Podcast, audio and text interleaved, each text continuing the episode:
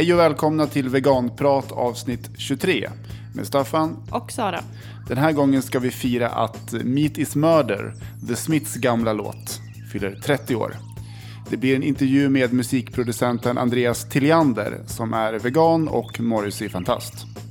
Sen har vi återigen pratat med Hanna Markusson. Hon var med i podden för typ ett år sedan när det var den stora veganutmaningen. Eh, Och vi har kollat med henne hur det har varit under hennes första år som vegan. Sen har ju Pelle Strindlund varit i Västerås också. Pelle Strindlund som är författare och djurrättsaktivist. Och det måste vi förstås prata om. Det kommer bli ett långt avsnitt. Ja, mycket intervjuer. Men det gör inget. Men först ska vi prata lite om vår veganmånad. Vi hade ju värsta djurrättsdagen förra tisdagen den 17. Du, Vi lyfter upp den dagen ur månaden. Alla andra dagar var ju inte så djurrättsliga, men just den här dagen var oerhört mycket djurrätt. Eh, nej, men vi, eh, vi var ute med veganprojektet Västerås på stan och delade ut semlor för att det var Fetisdagen. fet-tisdagen. Eh, så vi hade bakat typ 90 semlor som vi delade ut. Och sen på kvällen efteråt så kom ju, ja men det var ju då Pelle Strindlund var i Västerås och föreläste. Så det var liksom från, från semmelutdelning till föreläsning. Ja, nej, men det var kul att vara på stan i alla fall och dela ut semlor. Har jag sagt att vi hade bakat 90 stycken? Mm. det Vill påpeka på det. Riktigt, ja, men nej, det var inte så. Det var jag glömde bort. Men jag, jag har tänkt på att du brukar ofta vara på mig för att jag är så nitisk med inspelningen och Ja. ljud och detaljer och sådär. Men när det kommer till bakning, Ja, det flippade. Alltså, det, flippade. Ja, det var, hände en grej där alltså. vill du dela med dig? Ja, alltså jag skämtar inte när det kommer till att, alltså bakning och så. Eh, Väldigt jag vet inte om noggrann. jag ska outa. Eller vänta, vi kan göra så här. De andra medlemmarna i veganprojektet får vara anonyma. Jag har ju lite så här, dels under själva baket, så vi var tre stycken. Och jag nämner inga namn nu, det gör jag inte. Eh, men vi skulle i alla fall rulla semmelbollar. Och de skulle vara ungefär, eftersom att det var minisemlor, skulle vara ungefär storleken av en köttbulle. Eh, så att vi gjorde en till en början som alla fick säga, ja men den här är en bra storlek, nu gör vi efter den här storleken. Mm. Och då var det jag gjorde efter den här storleken som vi hade sagt.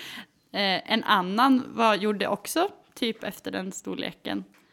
En tredje, och den här tredje personen vet vem den är, den var oerhört eh, slafsig och hafsig i liksom rullandet och gjorde alltså ibland nästan hälften så liten, ibland dubbelt så stor och det var liksom ingen, ingen jävla ordning. Jag var inte med vid baket vill jag bara tillägga. Och då var det så här, ja, vi känner, alltså vi känner ju varandra bra, men det är också så här, vi känner inte varandra hur bra som helst. Så att jag vågar liksom inte säga någonting. Eh, och när jag sa det så skämtade vi lite om det, men i, i, i, inombords så var det typ, alltså det var så jävla jobbigt. Det var sjukt jobbigt. Men vad är problemet då? Alltså, Nej, men jag vet inte, jag vill att det ska vara perfekt. Bara. Eh, Men sen också ka- kan jag släppa det för att just, som just där, det var inte läge jag kunde. Hade jag till exempel rullat med dig, då hade, det, då hade jag ju kunnat uh, rutit i. mm. ja, en gång när vi gjorde, var det lussekatter? Då, då, kom jag ju hem till dig när du höll på med baket och skulle hjälpa till. Och då fick jag inte det. Nej, du fick inte det. Du var orolig att jag skulle, att jag skulle rulla för slappt eller för dåligt. Men i alla fall, ja men det var första grejen. Andra grejen som hände var att vi hade som sagt 90 semlor, jag måste säga det flera gånger. och det gick åt väldigt fort, för folk var väldigt intresserade av att prata om uh, djuret den här dagen. Det var faktiskt, ja, sen som, ja, som det brukar vara. Vissa samtal var skitkul och vissa var inte så kul. Men det var, det var många, alltså jag tror det var semlorna just som drog in folk. Ja, ja, det kom jättemycket. Så det gick väldigt fort och sen såg vi fan semlorna började ta slut. Men sen upptäckte vi att vi hade ganska många lock kvar i förhållande till antal bullar. Och då har Robin glömt en påse bullar i frysen. Så han fick ta sig hem och hämta dem och tillbaka. Och då, när han kom tillbaka med bullarna, då var inte jag kvar vid infobordet för jag hade hämtat Saga och Adam och jag skulle inte vara med på andra liksom. Vi hade delat upp liksom passet i två delar och på andra skulle inte jag vara med. Och det var helt lugnt för mig. Jag kände mig lugn. Ända tills när jag hemma kommer på att helvete, tänk om de får för sig att mikra semmelbullarna och lägga på grädden innan de har svalnat tillräckligt. När jag kommer på det här så får jag liksom hjärtat i halsgropen. Jag kastar mig efter telefonen och ringer Robin. Och du, han hinner knappt svara innan jag bara... Jag kommer inte ens ihåg hur samtalet gick till, men det var bara... Om ni mikrar semmelbullarna så ha inte på grädden direkt. Och Robin bara, ja vi har haft på grädden och vi... Staffan fixade en mikro så att vi har mikrat dem och... Jag bara, har ni haft på grädden? Jag bara, mm. Jag bara, hade de svalnat? De var, nej, de var lite halvljumna. Och jag bara, Åh! har grädden smält? Och, och det hade den gjort på ett par av bullarna. Och eh, jag var så jävla sur på Robin, alltså så jävla, jävla, jävla sur. Eh, och typ så här bara slängde på luren. Omotiverat sur. Men alltså det här, det här är inte ett eh, sunt beteende. Eh, Hur kan du gå in så hårt i Jag bakning? vet inte, men det sjuka är ju också så här, precis som med bullarna, när jag väl accepterar så här, släpp det bara, då går det ändå ganska bra. Och efter att jag hade lagt på luren och satt och bara, åh, jag ska aldrig lämna bullar med några andra, så typ inser jag att det här spelar ingen roll. Så att jag är ändå så här, jag blir väldigt upprörd i stunden, eller känner, men sen så går det fort över. Jag tyckte det var kul med det här som kom fram och började sjunga vid bordet. Eh, han har kommit fram tidigare när vi, har- när vi har haft... Ja, det är inte första gången han kommer fram och sjunger den sången. Nej, men eh, det värmer varje gång. Det är från eh, Klas Klättermus, den här grönsaksätarsången. Han blir väl så exalterad bara över att, att det är lite vegan och Ja, men precis. Han blir, han blir peppad och brister ut i sång. Det gillar jag. Eh, jag, jag tycker vi kör den. Eh, Klas Klättermus i Hackebackeskogen. Ja. Men, men du Bamsefar, kan vi inte sluta med att sjunga den där fina grönsaksätarsången?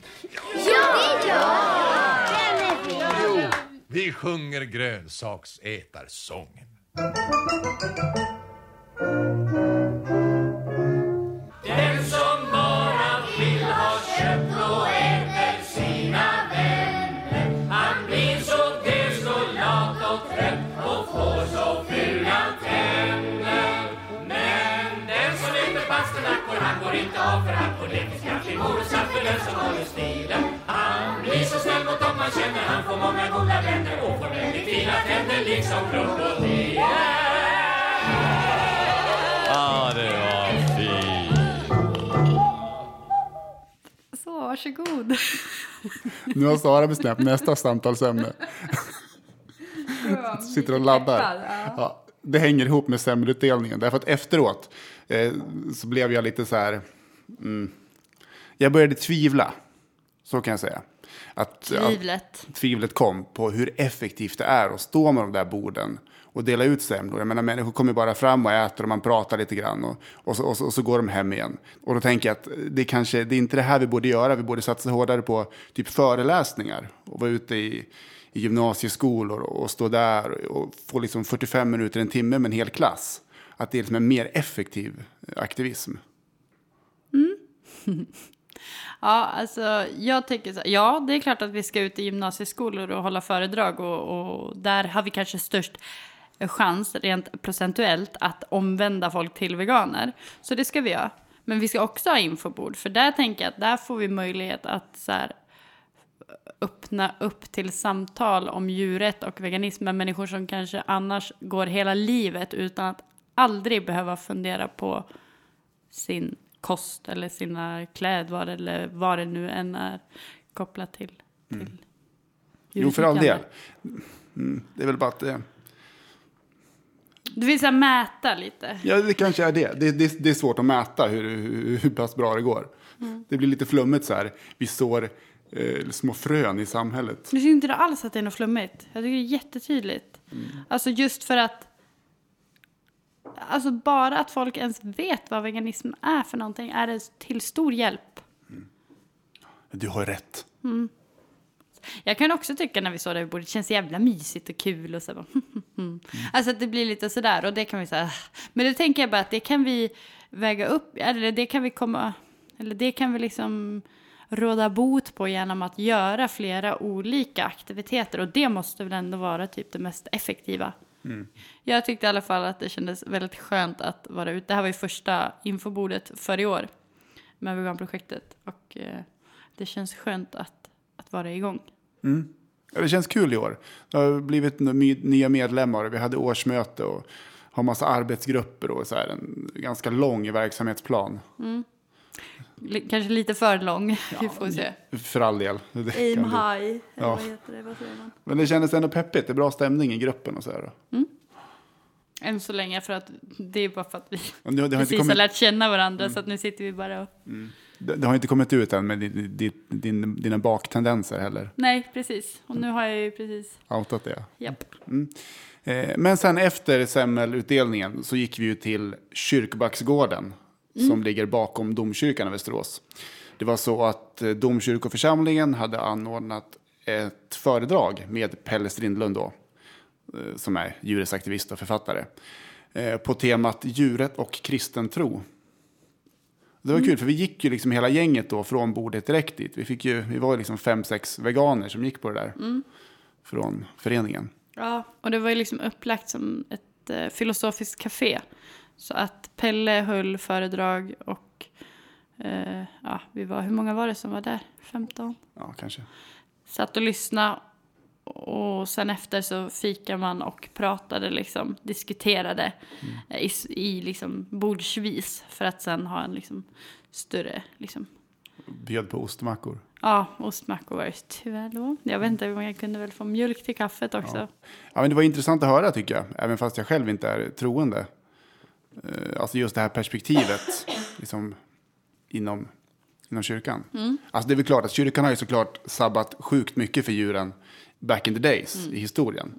Hela grejen att människan är skapelsens krona och eh, den, den här liksom människan i centrum. Och, alla, all de andra djuren har inte själar. Det är en vanlig grej. Så det finns ju mycket så här idé, idégods som, som fortfarande liksom är, är vid liv.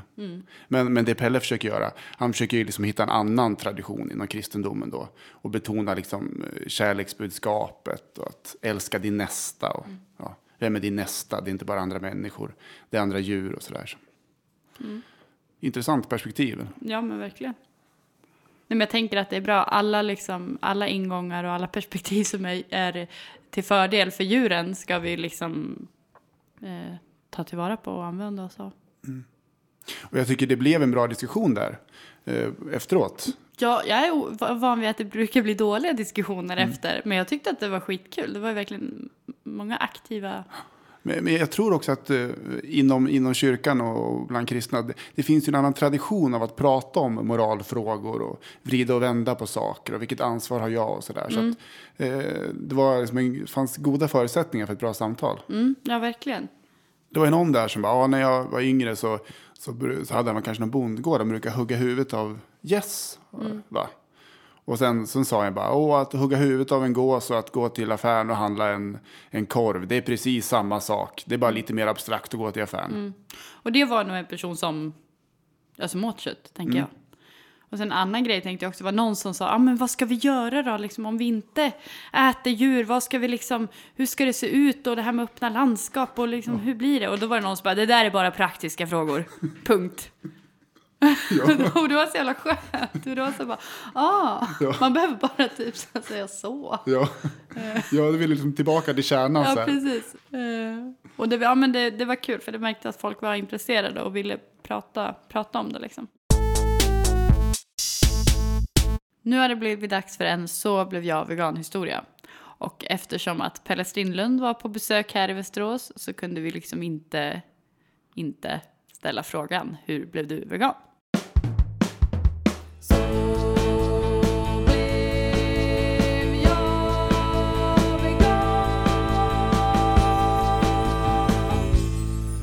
Det började en söndag eftermiddag, Eh, andra advent i december eh, 94. Då läste jag Tillståndet i världen och en eh, rapport om miljö och resursfrågor. Och där fanns en artikel som visade att för att klara livsmedelssituationen i framtiden så måste västvärlden skära ner på sin köttkonsumtion. Och det var första gången som jag reflekterade över att mina matvanor kunde vara en moralisk fråga. Jag var intensivt politiskt engagerad på vänsterkanten vid den här tiden eh, men har liksom aldrig reflekterat över, över vad jag äter. Så det var, det var andra advent och sen där på julen, eh, mellandagarna, då bestämde jag mig för att bli vegetarian och eh, ägnade jul och nyår åt att sätta mig in i frågan och upptäckte då också de, de etiska argumenten för vegetarianism och veganism eh, som var nya perspektiv för mig. Och kort därefter när jag kom tillbaks till Uppsala där jag pluggade vid den här tiden, säg ett par veckor efter att jag hade blivit vegetarian, så bestämde jag mig för att bli vegan. Det gick snabbt då, från vegetarian till vegan.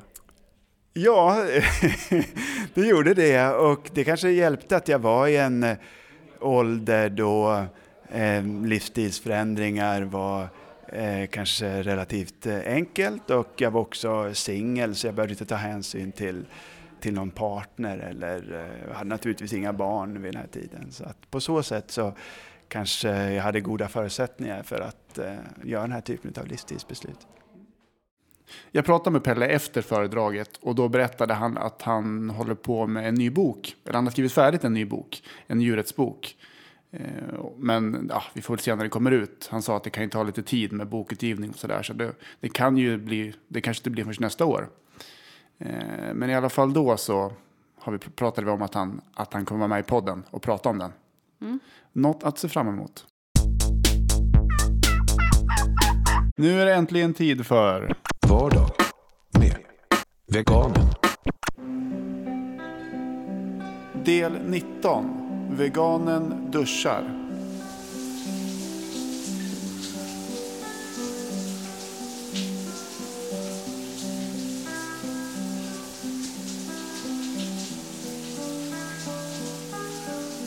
Vardag med Veganen. I mars förra året så arrangerade Djurrättsalliansen den stora veganutmaningen. Deltagarna fick hjälp av vegancoacher att eh, leva veganskt under en månad. Och de fick bland annat eh, recept och eh, praktiska tips. En av deltagarna var Hanna Markusson som vi också intervjuar här i podden. Och hon har fortsatt vara vegan som vi väl sa i något avsnitt. Och nu har vi kollat med henne hur hennes första år har varit.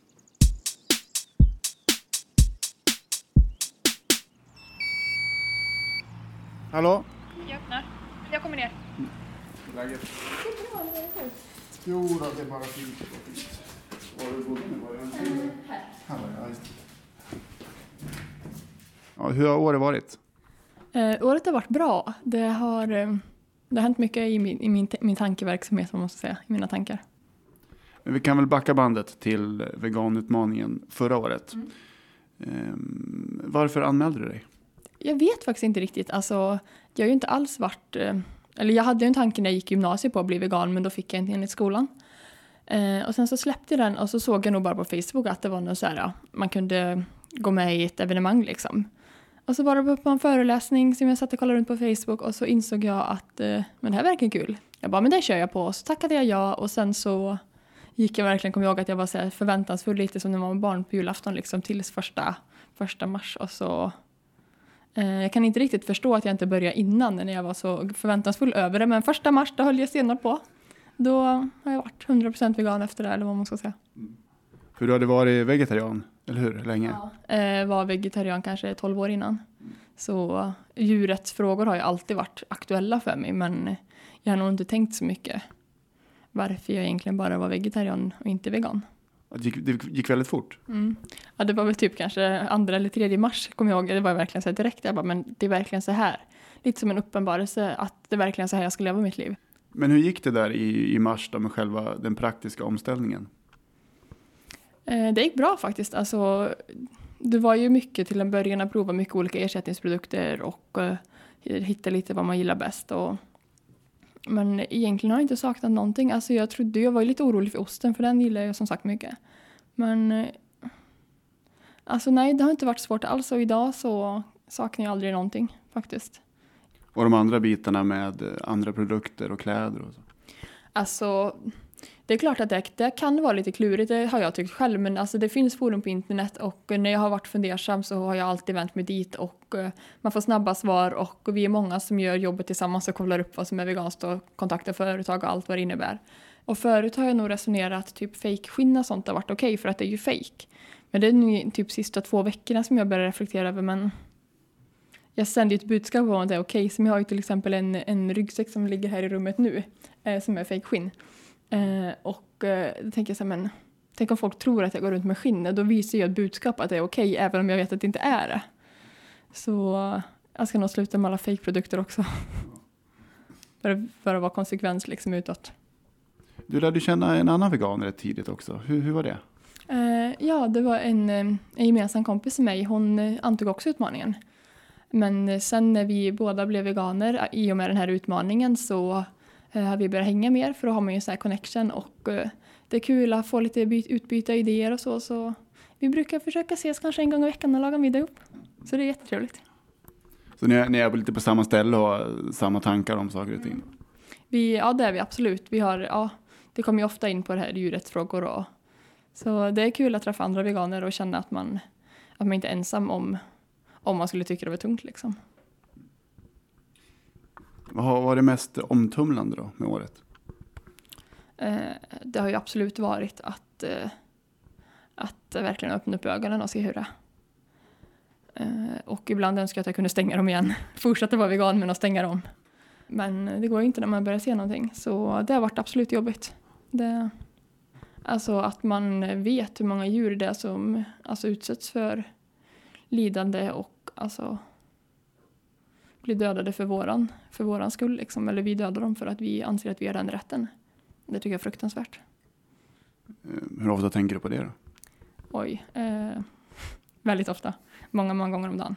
Alltså, lika ofta som jag tänker på veganismen tänker jag på varför eh, jag är vegan och varje gång jag äter, alltså när jag ser andra äta, alltså det är ju liksom hela tiden. Det finns ju där hela tiden. Eh, men du har varit tydlig med att du är vegan. Du berättade nyss att när du träffar nya människor så är det någonting, det är ett ämne som kommer upp. Eh, varje chans jag får ungefär så drar jag upp den diskussionen. Eh, det är lite kul. Men jag tror också att det fortfarande är så nytt för mig och det är så stor del av hur jag identifierar mig själv. Men jo, jag pratar jättegärna om det. Och då blir ofta folk så jaha, men varför det? Och då får man ju komma in lite på varför. Och då får man ju känna av lite hur mycket, hur, hur mycket den faktiskt vill veta liksom. Men eh, ja, de som vet vem jag är vet också att jag är vegan. Ungefär så. Ja, det kan vara svårt det där avvägningen. Hur mycket ska man missionera och hur mycket ska man lämna folk i fred då, inom citat. Ja, det är en jättesvår avvägning. För ja, man vill ju liksom göra mer nytta än skada. Och det kanske man inte gör om man går på för hårt. Även om det skulle kanske vara skönt själv att känna att ja, men, nu fixar ni en tankeställare så kanske det blir raka motsatsen istället. Så ja, det är en svår avvägning. Och nu eh, fyller du ett år som vegan. Första mars blir det förstås. Eh, vad händer då? Eh, jag har inte riktigt bestämt mig men det känns som en jätte, alltså det, det känns lite töntigt någonstans men det känns som en jättestor dag. För att det har hänt så mycket det här året så eh, något typ av firande blir det absolut. Det känns mer, mer, det känns större än min födelsedag.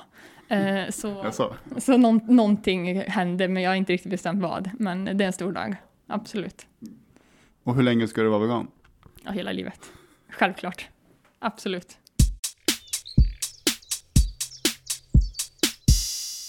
Nej, men hela livet, fan vad bra liksom. Det är ju så man tänker. Men eh, fan vad, alltså veganutmaningen, jag skulle vilja veta hur många som liksom, hur många som påbör- eller antog utmaningen, säga, som fortfarande är veganer. Mm, Det finns siffror på det där. Finns det det? Ja, i tidningen Vego hade de det. Dum. De gjorde någon slags enkät, men jag tror det var inte så många som svarade. Så det var väl inte så jättebra. Ehm, Återkoppling. nej, men, men det var ändå väldigt många tror jag som ville fortsätta som veganer. Jag kommer inte ihåg exakt, jag gissar på kanske 30 procent, 40 procent. Men då tänker man, eller ja, man kan ju tänka sig att de som valde att svara på enkäten, alltså då var det nog många som, alltså de som typ började äta kött första april kanske inte känner sig så jättemanade att svara. Skämsfaktor där liksom.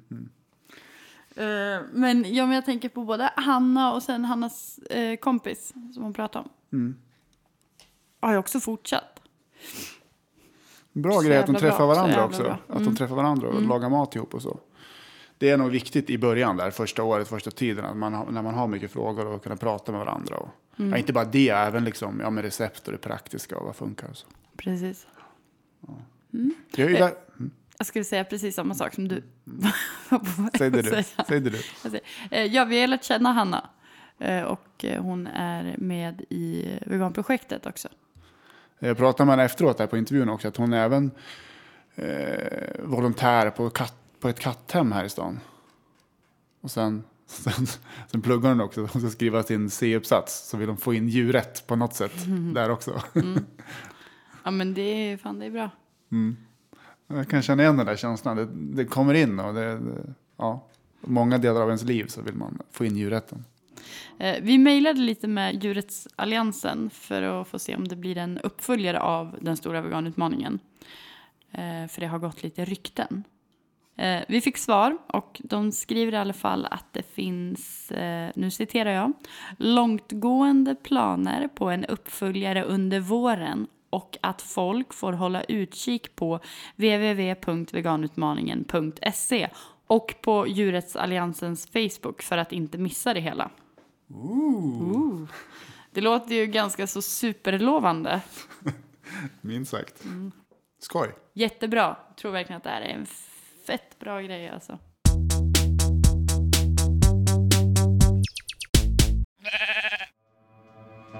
För några veckor sedan fyllde en av världens mest kända djurrättslåtar 30 år. Meat is Murder med The Smiths. Och den gavs ut den 11 februari 1985 på albumet med samma namn. Och det här är ju en låt som har gjort väldigt mycket nytta. Fått många att ändra sin syn på djur. Och fått väldigt många att sluta äta kött. Vi hör ju introt här i bakgrunden. Alla slakteriljud. Och jag tycker att det är konstigt att en låt kan fylla år. Jag visste inte det förrän, förrän du berättade det för mig att Meat is Murder fyller 30 år. Eh, Men jag är uppenbarligen inte en lika stor musiknörd som du är och eh, en person som snart kommer att introduceras. Ja, nej, jag visste inte att en låt kunde fylla år. Men låtar fyller år hela tiden. Ja, jag kanske bara... Ja, det, är väl, det är väl något som jag kan hålla med. Det kan väl bli lite... Hmm. Inom musikvärlden så kanske det uppmärksammas lite för mycket när låtar fyller år, när en skiva fyller år eller när ett band fyller 40, 30 eller vad det nu är. Det är mycket som turnéer och sånt där. Ja. Men jag tänker mer att eh, vi har inte så mycket att fira inom djurrättsrörelsen så att vi får ta liksom varje chans vi har. Åh, oh, Mitt i Smörder fyller år. Åh, nice. Ja, men så är det sant. Alltså, Ja. en fest, en fest kan man ju alltid ha för vad som helst. Visst är det så. Eh, Men vad har du för relation till låten? Alltså... Jag är som sagt ingen musiknörd så jag har svårt att prata om min, min relation till låtar. Så tråkig. Det är klart man kan ha, klart man kan ha relation till låtar. Jag har relation till jättemånga låtar. Jo, jag har också så här, jo. Och då har vi relation till andra låtar. Ja, för jag kallar det inte för relationer. Nej, okej. Vad tycker du om låten? Ja, precis. Ja, tack. Jag tycker det är en jättebra låt. Eh, nej, men jag tycker att den är grym på alla sätt. Alltså textmässigt och instrumentalt. Eh, är en sjukt bra låt. The meat in your mouth as you Savor savor. the flavor of murder. Ja, det är snyggt.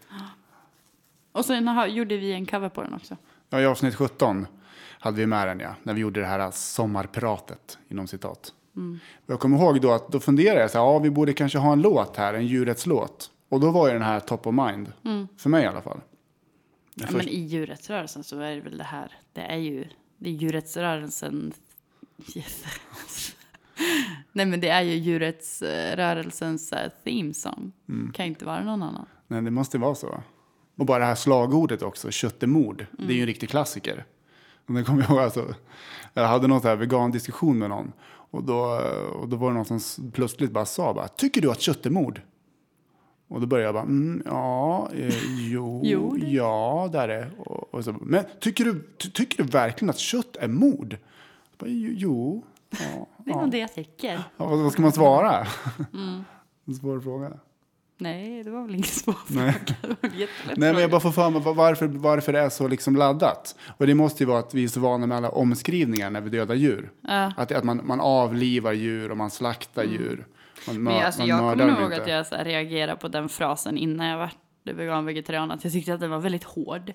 Alltså det känns så oerhört hård. Men det är också för att, alltså, säger man om man går med på att kött är mord så är ju också alla som äter köttet mördare. Just det. Ju det är jobbigt. Men det är ju ack så sant.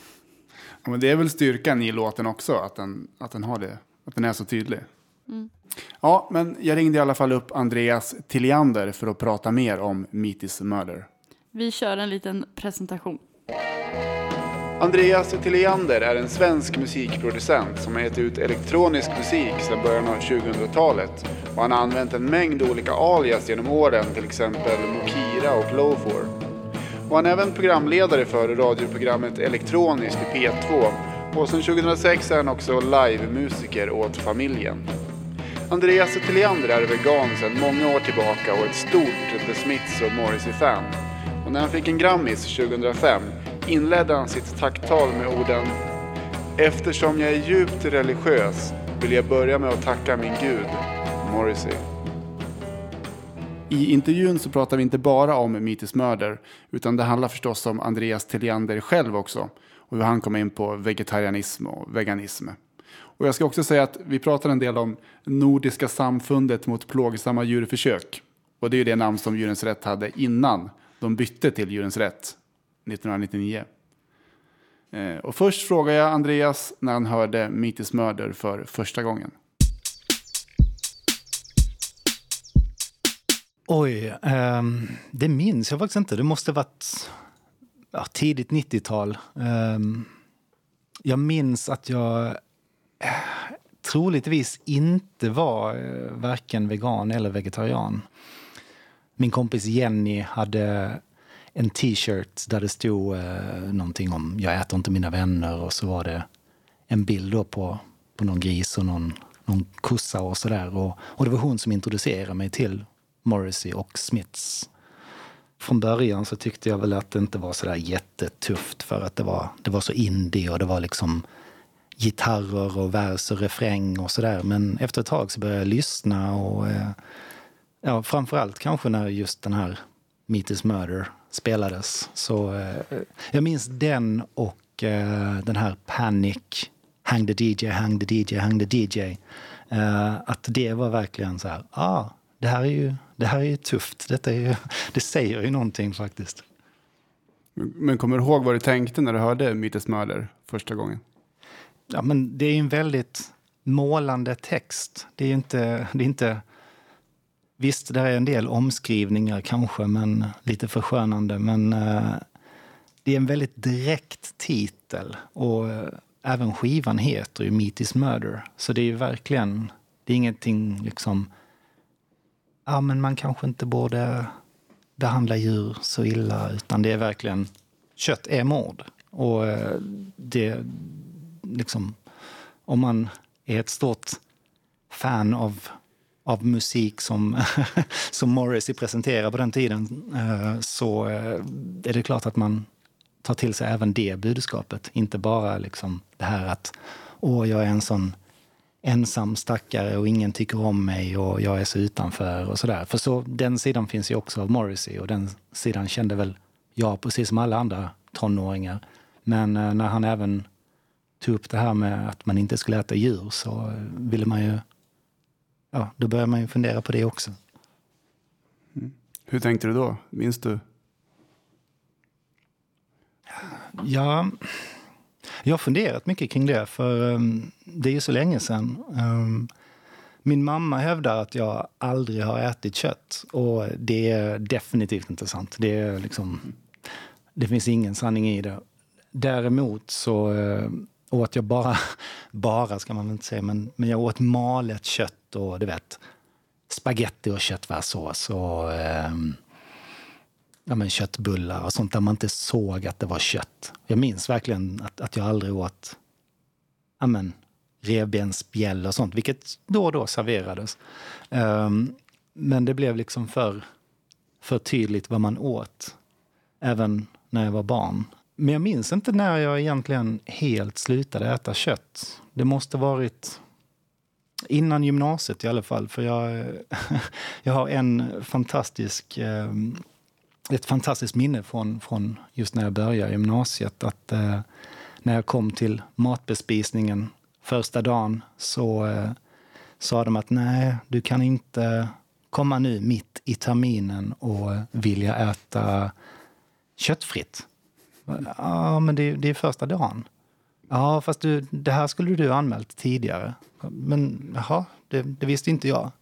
Så det slutade med att jag under ett halvår, alltså en termin, faktiskt fick äta cornflakes som serverades. I ett halvår. Det var jag och ett par killar till i klassen som åt cornflakes i ett halvår. Är det sant? Mm. Ja, det är helt sant. Och dessutom, alla vi som eh, under gymnasieperioden inte åt kött, vi fick gå till sjuksyster då och då för att testa värden och sådär. Um, vilket inte de andra fick göra. Men jag, jag menar om man är liksom 16, 17, det är väl inte liksom bara för att man är vegetarian som man kanske skulle äta dåligt. Utan de flesta äter väl dåligt i den perioden kanske. Och det är väl skolans uppgift att se till så att man får i sig alla näringsämnen. Och eh, även om man väljer bort köttet så är det väl skolans uppgift om, om man nu liksom äter där. Men eh, istället så valde de att eh, servera mig cornflakes i ett halvår. Näringsriktig kost ja. Ja, definitivt. Men, eh, men det stack ut mer då förstås i samhället. Kunskapen var lägre kring vegetarisk mat. Ja, det var det definitivt. Detta var i Hässleholm också, vilket är en småstad i Skåne. Ehm, så det var ju inte... Det fanns faktiskt ett par veganer och några vegetarianer. Men jag började den här skolan, estetiskt program då för övrigt, eh, konstinriktningen. Så eh, naturligtvis efter eh, ja, några veckor så var det ju fler som började intressera sig för vad jag åt. Och när jag började den här klassen så var jag ensam icke-köttätare och när vi gick ut så var vi åtta eller nio av tretton i klassen. Så Eh, jag, jag, tror att det var delvis på grund av att jag på den tiden var väldigt mycket sådär att ja, men det här ska du inte göra och ja, man ville argumentera och dessutom så ville man väl vara lite, lite annorlunda estet och sådär. Men äh, även så var det väl liksom ja, det var ju 90-tal och Refused och um, mycket om veganer i Umeå som brände köttbilar. Och det var mycket det. sånt i media. Det var den och, tiden. Ja, det var ju det. Och, och, eh, faktum är att det gjorde ju så att folk blev intresserade av vad det handlade om. För innan dess hade det inte skrivit så mycket om det och sådär. Så att, eh, att jag gick ut tre år senare i en klass med merparten icke-köttätare var inte bara min förtjänst. Även om jag som sagt gärna argumenterade och sådär. Men eh, ja, det är väl många kanske som just i de här åren ja, men, blir, blir någon, liksom. vad, det, vad det nu mm. innebär. Liksom. Folk börjar ta egna val och beslut och sådär. Och ja, fundera lite och kanske kommer fram till att äta kött inte är så, så förnuftigt. Men var du engagerad på något annat sätt för djurets frågor? Nej, eh, eh, ja, jo, jo. Eh, engagerad var jag väl, men inte, inte aktiv. Sådär. Jag, jag var med i Nordiska samfundet mot plågsamma djurförsök, hette det väl då, tror jag. men jag, jag minns verkligen när jag, när jag gick med i Nordiska samfundet mot plågsamma djurförsök. För det var jag och mina föräldrar var i, i Malmö på Triangeln i, i Malmö, köpcentret där. Och eh, såg några som satt i beigea t-shirts med brun text där det stod det här Nordiska samfundet och bla bla bla. Och eh, jag tjatade på mamma och gick med och fick en t-shirt. Och, och detta var ju innan jag slutade äta kött. Så detta var när jag kanske var 10 och 11 eller något sånt. Men det var väl sån här klassiker. Men jag, jag tycker ju om djur. Mm. och, så, och så fattar man inte kopplingen att ja, men du kanske inte borde äta dem då. Liksom. det kom lite senare. Mm. Ja, då låter Meat is Murder häftigare alltså än Nordiska samfundet mot plågsamma djurförsök. Fast det vore rätt tufft att göra en skiva som heter det idag faktiskt. Ja, lite så retro-style. Veronica Maggio med nya skivan Nordiska samfundet mot plågsamma djurförsök. Varför inte? Eh, men vegan då? När blev det det? Ja, det har jag inte heller riktigt koll på. Inför det här samtalet så kollade jag lite på mina egna skivor. Eh, för jag har ju döpt vissa låtar efter... Men jag, har, jag gjorde en skiva 2001 där eh, alla låtar... det- Det är en, det är en vinyl, vinylskiva med fyra låtar totalt och eh, alla låtar har Ja, de, de, titlarna är tio bokstäver långa. Så det är Ät inte korv, Jag är vegan, Päls är mord, Kött är mord. Kan jag lägga på den i bakgrunden? Kött är mord. Oh ja, absolut. Så det var ju 2001 i alla fall. Ehm, och jag har för mig att det var även då jag tatuerade ordet vegan i Times New Roman på min underarm. Ehm, så jag, jag, jag kan tänka mig att, att jag var rätt nybliven vegan då, för det är väl... Ja, det är kanske då man, man verkligen gör sånt på något sätt. Du, sa den här skivan var en hyllning, eller hur ska man säga? det? Ja, ja, oh ja. Det var en total hyllning. Jag har gjort flera hyllningar till Morrissey och året efter så vet jag att jag gjorde en, en CD under aliaset Mokira där eh, jag i buckletten avslutar min så här, ja, tacktext, eh, ja, var skivan är inspel, inspelad och vem som har mixats och vem som har skrivit låtarna och bla bla bla. Eh, så avslutar jag med And death for no reason is murder. Och det är också det är ju en textrad rakt från eh, 'Meet Meat is murder. Så ehm, ja, det, det, jag eh, hymlar inte med liksom, att jag är inspirerad av både Morrisseys musik och, och hans texter. Just det. Eh, Meat is Murder, men vi hoppar tillbaka då till 1985. Det var då den kom ut. Eh, vad har du för bild? Hur var liksom stämningen då och vilket intryck gjorde den i sin samtid? Jag har faktiskt inte så bra koll på det. Ehm, jag hade bra, alltså hade du frågat mig när jag var 15 så hade jag fortfarande haft väldigt bra koll på det. Men, men det är över 20 år sedan nu så jag, jag har faktiskt inte koll på det längre. Um, men uh, senast jag såg honom, jag har ju sett honom väldigt många gånger. Uh, senast jag såg honom var nu när han var i Stockholm senast för, jag vet inte om det var tre månader sedan eller något sånt.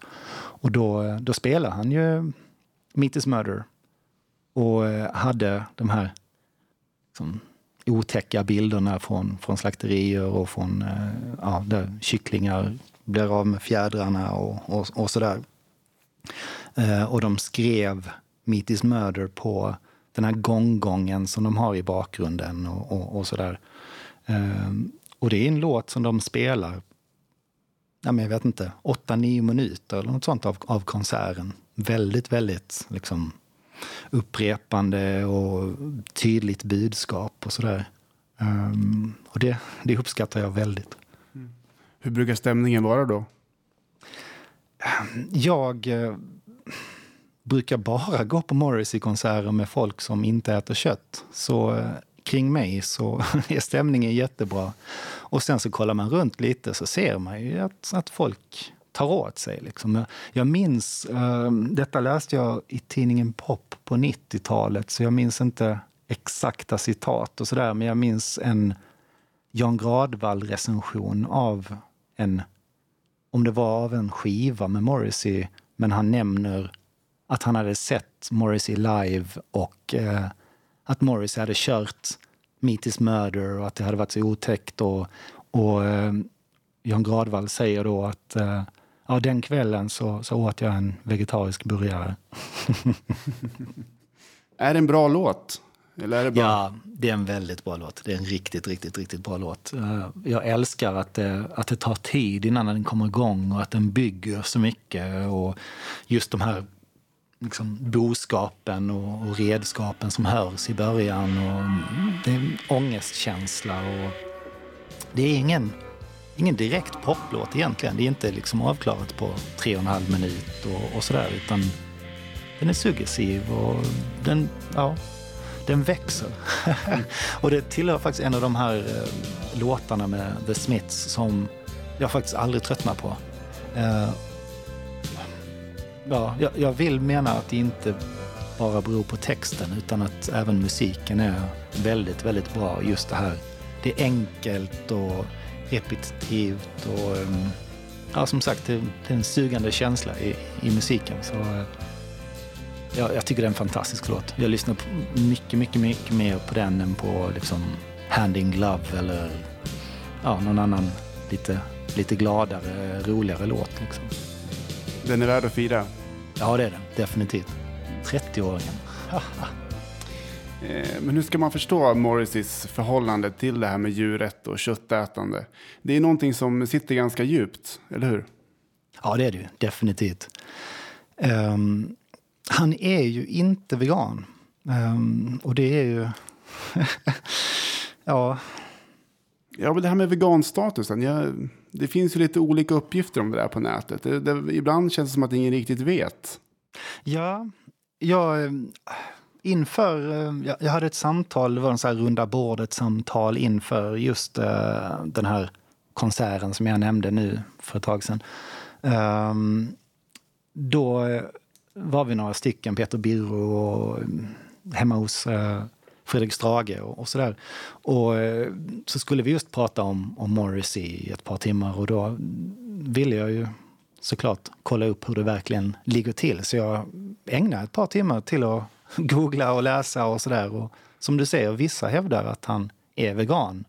Men eh, jag har hört nästan alltid att han, ja, att han är vegetarian. Vad tror du beror på att han, att han inte blir vegan? Ja, han om någon som jag... Jag kan bara förmoda att han som ja, relativ superstjärna verkligen blir uppassad och, och, och sådär och har liksom förstås catering på alla hans spelningar och han kan ju definitivt bestämma vad han ska äta och sådär. Han är inte sån som måste svänga in inom Statoil och ta någon fralla på turnén utan han, han har ju verkligen, han har säkert med sig folk som lagar mat åt honom. Så att han inte väljer det, det, nej, det, det förstår jag faktiskt inte. Det, det jag vet många brukar tycka är jobbigt är just osten. Och I början av 2000-talet så fanns det en, kanske två ostar och, och, och båda var någon sån här puck som smakade liksom fantastiskt äckligt. Och jag åt den ändå för att man var ju tvungen att ha något på mackan. Liksom.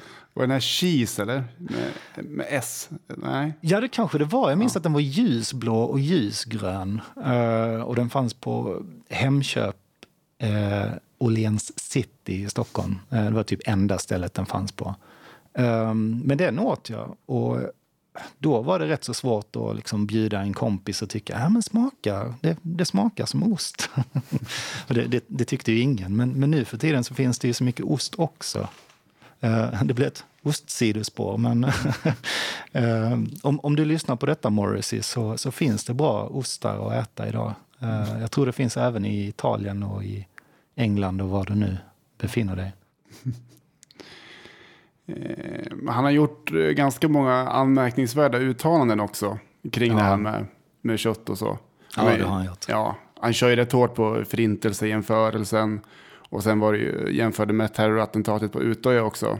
Ja. Med det som hände på McDonalds. Uh, han har ju kallat kineser för subhumans. Det är lite...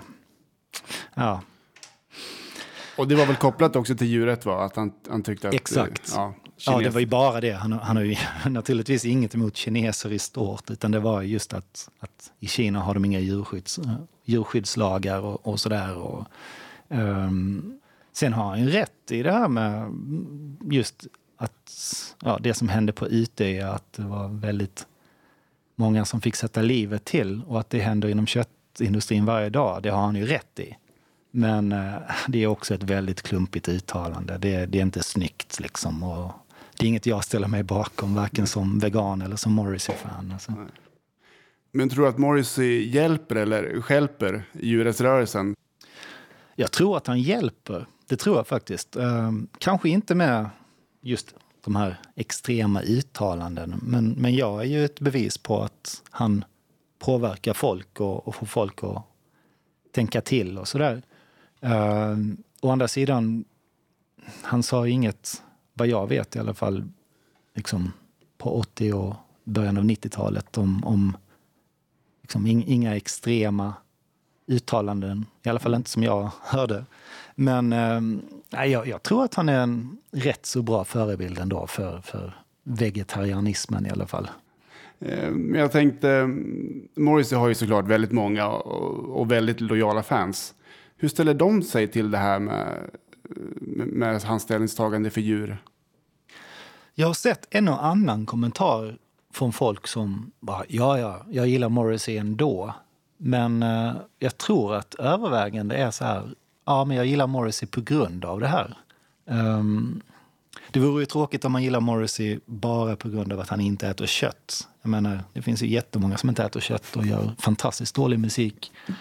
Uh, men uh, för mig är det ju ja, en del av paketet på något sätt. Och jag älskar att läsa när han har liksom så här, vägrat spela på Coachella för att det har kommit liksom köttos upp på scenen. Och jag såg honom när han spelade på Hultsfred för några år sedan. Jag minns inte när det var. Kan det vara tio år sedan eller åtta år sedan? Sånt. Då eh, gjorde han ju också som, som han alltid gör. Att han, han vägrar ju Eh, tillåta att det säljs kött under hans konsert, och innan och efter och sådär. Och då eh, var det ju så här, jag, jag gick runt på området innan konserten och då var det någon någon liten knalle som hade skrivit på, på sin vagn att idag har jag stängt på grund av bla bla bla. Morrissey har, ja det var något så här. Jag minns inte exakt citatet, men så här. Mm, mm, ja, man förmodar jag som, som var uppretad över att Morrissey kunde styra och ställa över att uh, man inte skulle servera djurkroppar under, mm. under den dagen. Liksom. ja. Och det var väl bara nu här för några veckor sedan va? han ställde in en spelning på Island. Ja visst ja. ja, mm. ja. Det, var, det var samma skäl va? Visst var det? Ja, ja det var det. Ja. Mm. ja men sånt bara fnissar jag åt. Jag, jag älskar att han gör det faktiskt. Jag, jag skulle nästan önska att, att jag fick vara med om att han ställde in någonting. Alltså, jag skulle gärna vara, ja, men, om jag hade bott på Island och, och nej, han kommer inte. Nej, det blir debatt istället. Ja, men vad skönt. Jag klara mig utan honom. Men, men nu skrivs det om i tidningarna och, och, folk funderar lite. Så jag hade hellre varit med om det än att se ytterligare en Morrissey-konsert. Mm. Men å andra sidan, hade jag inte sett honom alls så hade jag kanske hellre valt en konsert än en debatt. Men, men just nu så skulle jag hellre vilja att eh, folk funderar och debatterar över, över djurindustrin än att eh, gå och se ytterligare en, en Morrissey-konsert faktiskt. Mm. Ja, men hur, är det, hur är det för dig som har varit vegan så länge? Alltså, jag tänker det som händer nu när det är lite vind i seglen. Är det något du märker av? Um, ja, det gör jag. Um, jag måste tillägga att jag, jag hade en, en period, en, en svacka när jag gick över till vegetarisk mat eh, under, under en period för några år sedan. För att eh, jag tyckte det var så förbannat svårt att hitta mat eh, när jag reste inom Sverige. Eh, jag spelade väldigt mycket i ett band och, och eh, just de här Statoil-stoppen och allt det här. Liksom, det var jättesvårt att komma till en småstad och försöka hitta någonting att äta och sådär. Så länge så struntade jag i det och bara var hungrig. Sen efter ett tag så bara, okej, okay, men hittar jag ingenting veganskt så får jag faktiskt äta vegetariskt. Och, ja, sen blev det så ett tag. Men eh, nu för tiden så... Det, man har inga ursäkter längre. Det är så otroligt enkelt. Alltså, senast jag var ute med ja, det här bandet Familjen då, som jag brukar spela, spela med. Um, vi var ute i november. Vi var i Lund och eh, vi ringde faktiskt bara ett par timmar i förväg till en fransk restaurang på eh, Mårtenstorget. Och eh, det var inga problem. Trots att de varken hade vegetariskt eller veganskt på menyn så fixade de en trerätters middag som var helt fantastisk. Den var alltså något av det bästa jag har ätit. Ja, jag svär, det var så jävla gott. Det var helt fantastiskt. Eh, och även liksom vad det gäller mindre liksom, restauranger i småstäder. Så de flesta vet ju vad en vegan är nu för tiden. Förr var det alltid Ja, vegan? Aha. Ja, men ja, du, du äter räkor då? Va? Så, nej, nej, det gör jag inte. Och nu för tiden så vet de allra, allra flesta vet vad en vegan är och de flesta kan fixa någonting. Även om det än idag är den här klassikern sådär. Ja, ja, ja men det blir bra. Ehm, jag kollar så fixar kocken någonting. Så sitter man då med, med ett gäng som, som äter kött och de har valt vad de ska äta. Så här, den ena vill ha ja, någon fisk eller vad det kan vara. Någon vill ha någon ja, jag vet inte vad det finns. Men ja, någon annan äter något annat kött. Och jag som vegan, jag får en surprise. Den är lite tråkig för att ja, det brukar alltid vara samma sak. Um, just när man är ute och spelar så är ju klassikern fyllda paprika. Ja, ja, ja. Den är inte sådär jätterolig. Och nu pratar jag om Sverige, för där är det ofta, ofta så. Nu, nu har jag ynnesten att eh, nästan alltid spela utomlands och precis som Morrissey faktiskt kunna ställa lite krav. så jag, jag, eh, jag har alltid fixat så att jag, jag har mat när jag kommer fram. Um, men jag har även där en del fantastiska minnen för eh, min bokare brukar glömma beställa mat på resan dit. När jag kommer fram brukar det inte vara några problem, men om man ska flyga i 20 timmar och sådär så kan det ju hända att man blir hungrig och sådär. Och eh, en gång när jag flög till Japan så eh, fick jag ingen mat. Eh, bokaren hade glömt och ja, okej, okay, men kan ni fixa någonting? Ja, men vi, vi, vi fixar något. Eh, vänta lite. Och så kommer de tillbaks med, det här är en klassiker bland mina vänner, vi brukar skoja om det. Eh, de kom tillbaks med en servett, en sked och ett äpple. Och det var vad jag skulle äta då på, på 20 timmar. Och demonstrativt så åt jag faktiskt det här, det här äpplet med skeden liksom, och, och drack väl en öl till eller något. Liksom. Så, ja. Um, och det, det händer titt som tätt att, att just på resan dit brukar jag liksom behöva ja, men, ja, äta, äta frukt istället. Men uh, för det allra, alltså, de allra flesta länder har faktiskt nu för tiden alternativ. Och eh, nu för tiden finns ju även den här fantastiska Happy Cow-appen. Just det. Så det är så lätt var man än är. Så, ja, om du inte är ute inom världens småstad förstås. Men om du håller dig till storstäder så är det väldigt enkelt att äta veganskt idag. Annars finns det alltid cornflakes. Det finns ju alltid cornflakes, det gör det ju. Med vatten kanske. Jag har faktiskt ätit cornflakes med apelsinjuice några gånger på så här hotellfrukostar och sådär.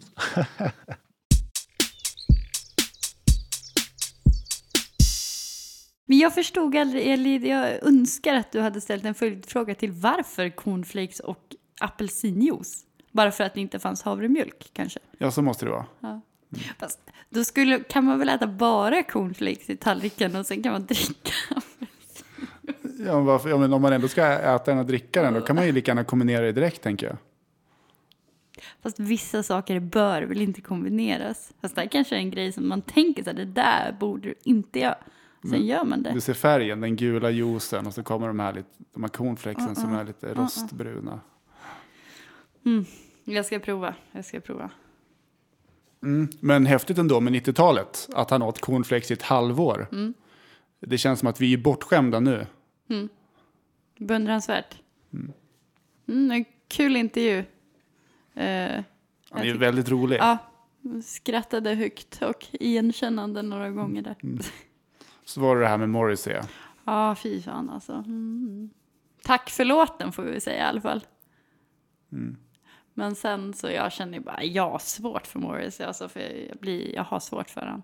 De här uttalandena eller? Ja, men alltså ska man dra sådana så groteska, hemska liknelser, typ uttöja och sånt där, som sagt som Andreas sa, att, alltså, han har ju rätt, inga snack om saken, men jag tycker ingen bör dra sådana liknelser, men om någon nu ska göra det så bör den personen vara vegan och inte vegetarian. Nej. Men helst inte överhuvudtaget sådana. Nej. Jag vet inte, jag kan tycka det känns som, jag, förstår inte. Om jag tänker så här, själva texten i Meat is Murder, typ, alltså Hefewines, då tänker man ju på mjölkindustri.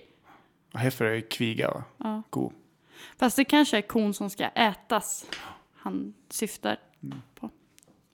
Jag mejlade i alla fall eh, lite grann med eh, Roger Yates som är en irländsk djurrättsaktivist. För han har varit med lite längre i djurrättsrörelsen, sedan 70-talet typ.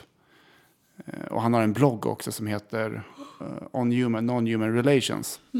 Men det jag ville veta då, det var om det var Morrissey som hade hittat på det här mitis murder-begreppet, eller om det fanns tidigare. Själva frasen? Ja, själva frasen ja. Eh, Men det var, det var inte, inte Morrissey, Okej. utan den fanns tidigare. Eh, Men i alla fall, han berättade också, Roger Yates, att han var faktiskt med då, 1985, på Meet Murder-turnén. Då hade väl han någon, var med i någon djurrättsgrupp och stod utanför någon konsert då, eller som inbjuden av The Smiths. Aha. För att typ köra. Men och förlåt, men det blir ännu mer konstigt att han inte är vegan. Varför det? För att, Om Smiths till och med bjuder in veganer för att typ så här djurrättsaktivista. men jag, tror inte veganism, det var inte, man körde inte så Det är hårt inte på veganism grej. Det på är den inte samma tiden. grej. Nej, Nej. nej. det är väl det. Man får se det i sin kontext på något sätt. Och, och så är det fortfarande. N- När han spelar i Sverige nu så brukar Djurrättsalliansen vara på konserterna. Inbjudna. Jag tror till och med att Morris har haft något så här Djurrättsalliansen-märke liksom under delar av konserter. Men jag frågade också Roger Yates och så hans syn på den här låten och vad den har haft för liksom, betydelse för djurrättsrörelsen. Eh, Och då säger han att han tror att betydelsen har minskat med åren. Just eftersom det är sånt fokus på kött. Och att det här med veganism har kommit mer inom djurrättsrörelsen. Och att Morris inte är vegan, tog han också upp. Och det här att han har sagt många liksom nedsättande saker om andra nationaliteter. Alltså, så jag, det kan nog vara så att eh, han har inte hängt med sin tid, Morris, Precis vad riktigt. det jag säga. Han är, mm. Men jag tror däremot, precis som Andreas sa, att Mittes Murder kan ju fortfarande vara en inkörsport för många in i djurrättsfrågor. Verkligen. Och för den som inte kan få nog av Mittes Murder eh, så kan jag rekommendera tidningen Uncut. Jag har den här. Han har den här. På riktigt. Sara är inte ett dugg intresserad. Nej, inte alls. Men i alla fall i senaste numret av Uncut så finns det 12 sidor special om inspelningen av uh, Mittes Murder med The Smiths. Vill du låna den efteråt? Kan du få läsa? Jag vill, jag vill ha min egna kopia så jag ska kila iväg till vad är det, Förstår du inte att du är så Pressbyrån? himla negativ mot sånt här? Jag vet, det är fett tråkigt bara. Alltså låten och så här, musiken, även det kan jag ju ge det. Det är ju fett, Mm. det kan ju vara intressant. Men så här, att läsa om en inspelning av en låt. Finns det så mycket att säga om inspelningen Ja, av det är en inte låt? bara om låten, det finns även lite grann om djurrättsrörelsen och bakgrunden här och Mm. det politiska läget. Och Billy Bragg är med och gör några uttalanden. Gamla vänstersångaren. Bland annat där, jag bara kör på här. Ja, jag förstod ju. Ja, men de berättar, eh, om man vill veta det, hur det gick till när de spelade in de här ljuden, slakteriljuden och, Mm. och kossorna där i början. För er som vill veta mer så får ni köpa, köpa tidningen, nu går vi vidare. En rolig historia Nej, under, under inspelningen. Ja, från Ja. den här. Bara, ja, Ja, sista. sista. Jo, när de spelade in, eh, hela inspelningen var i två veckor. Och då var det vegetarisk mat som gällde. Men det var egentligen bara Morrissey och gitarristen Johnny Marr som var eh, vegetarianer. Eh, och, så, och sen på vägen till studion en dag så stannade de efter vägen och käkade frukost. Och, och då beställde basisten Andy Rourke en så full English breakfast. Med liksom ja, bacon och korv och vad det nu är. Och Morrissey, i sann Morrissey-stil, reste sig upp och gick rakt ut från restaurangen. Och sen, Johnny Marr, efteråt så reste han sig också och gick iväg. Och då, och då trummisen, Mike Joyce, eh, han gick också iväg. Så att han fick sitta själv där, Andy Rourke. Och efter det så blev han vegetarian. Ja, okej. Flugornas herre-style. Jag vet inte, jag till så här föredrar ändå att folk blir veganer och vegetarianer för att de vill det. För att deras kompisar mobbas. Det kanske var lite väl mycket shaming där. Jag tyckte att det var hemskt. Nej, den kanske inte var så kul. Jag visar mitt rätta ansikte här. Men köp den där tidningen. Uncut. Uncut. Johnny Marr är vegan förresten. Gitarristen i The Smiths. Ja, men det var bra. Det var bra. Nu lämnar vi The Smiths. Ett långt avsnitt och eh, mycket intervjuer. Mm, Det är kul. Fint. Musikspecial Mm. också. Kul. Nu när vi liksom har ägnat typ ett helt avsnitt åt att prata om Meet is Murder så tänkte vi att vi lägger in själva låten också. Efter slutgingen Ja. så får ni lyssna vidare om ni vill. Mm. Och eh, ni får gärna gå in på vår hemsida och kommentera. veganprat.se Eller mejla. Kontakt snabel a veganprat.se Ring våran telefonsvarare. 021 495 02 55 Facebook och Twitter har vi också. A.k.a. sociala medier. Det är Staffan som sköter sociala medierna. Kan jag ju säga. Sociala medieansvarig för veganprat. Om du inte är vegan. Bli vegan. Hej då! Hej då!